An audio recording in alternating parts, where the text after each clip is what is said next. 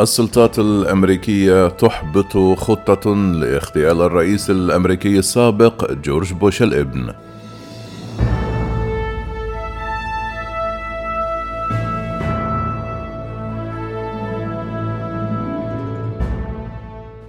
أحبط مكتب التحقيقات الفيدرالية الاف بي اي مخططا داعشيا لاغتيال الرئيس الأمريكي الأسبق جورج بوش.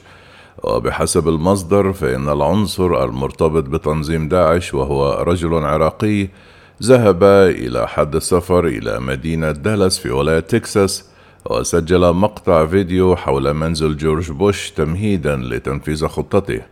بادر المخطط إلى تجنيد أربعة عراقيين آخرين لمساعدته في تنفيذ هجومه وكان يخطط لإدخالهم إلى الولايات المتحدة عبر تهريبهم عن طريق الحدود مع المكسيك. وجرى الكشف عن مخطط استهداف الرئيس الأمريكي الأسبق إثر رفع السرية عن مذكرة بحث قدمها.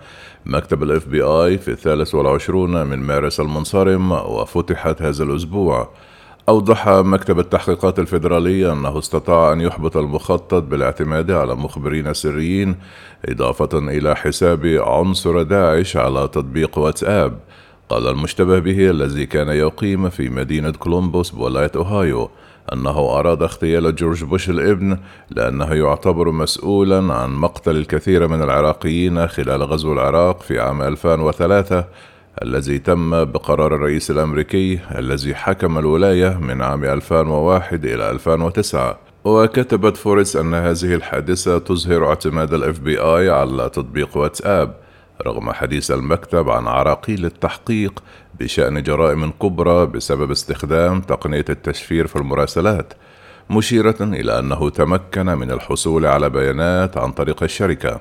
كما أشارت المجلة إلى أن المشتبه به مواطن عراقي متواجد في الولايات المتحدة منذ عام 2020 حيث تقدم بطلب اللجوء ظل معلقا. وقد أعلنت السلطات الأمريكية أنها اعتقلت العراقي المرتبط بتنظيم داعش ووجهت له تهمة التحضير لمحاولة اغتيال الرئيس الأسبق جورج بوش. قالت النيابة العامة في أوهايو في بيان أن شهاب أحمد شهاب البالغ من العمر 52 عاما متهم بمساعدة ودعم مؤامرة تهدف إلى قتل الرئيس الأسبق للولايات المتحدة جورج دبليو بوش. أوضح البيان أن شهاب حاول تجنيد عراقيين آخرين وإحضارهم لتنفيذ الهجوم كما أجرى عمليات استكشاف واستطلاع في دالاس بولاية تكساس قرب أماكن مرتبطة بالرئيس الجمهوري الأسبق. وصل شهاب إلى الولايات المتحدة بشكل قانوني عام 2020 بتأشيرة سياحية وأقام بين كولومبوس في ولاية أوهايو شمالي البلاد وإندينابلوس قبل أن يطلب اللجوء. كما حاول المتهم مساعدة رجل اعتقد أنه عراقي على الهجرة إلى الولايات المتحدة لقاء مبلغ مالي. أوضحت النيابة العامة أنه في أكتوبر وديسمبر من عام 2021 تلقى شهاب عشرات آلاف الدولارات لتأمين وصول هذا الشخص الذي كان في الحقيقة مختلقا مشيرة إلى أن التوصل كان منسقا تحت إدارة مكتب التحقيقات الفيدرالي.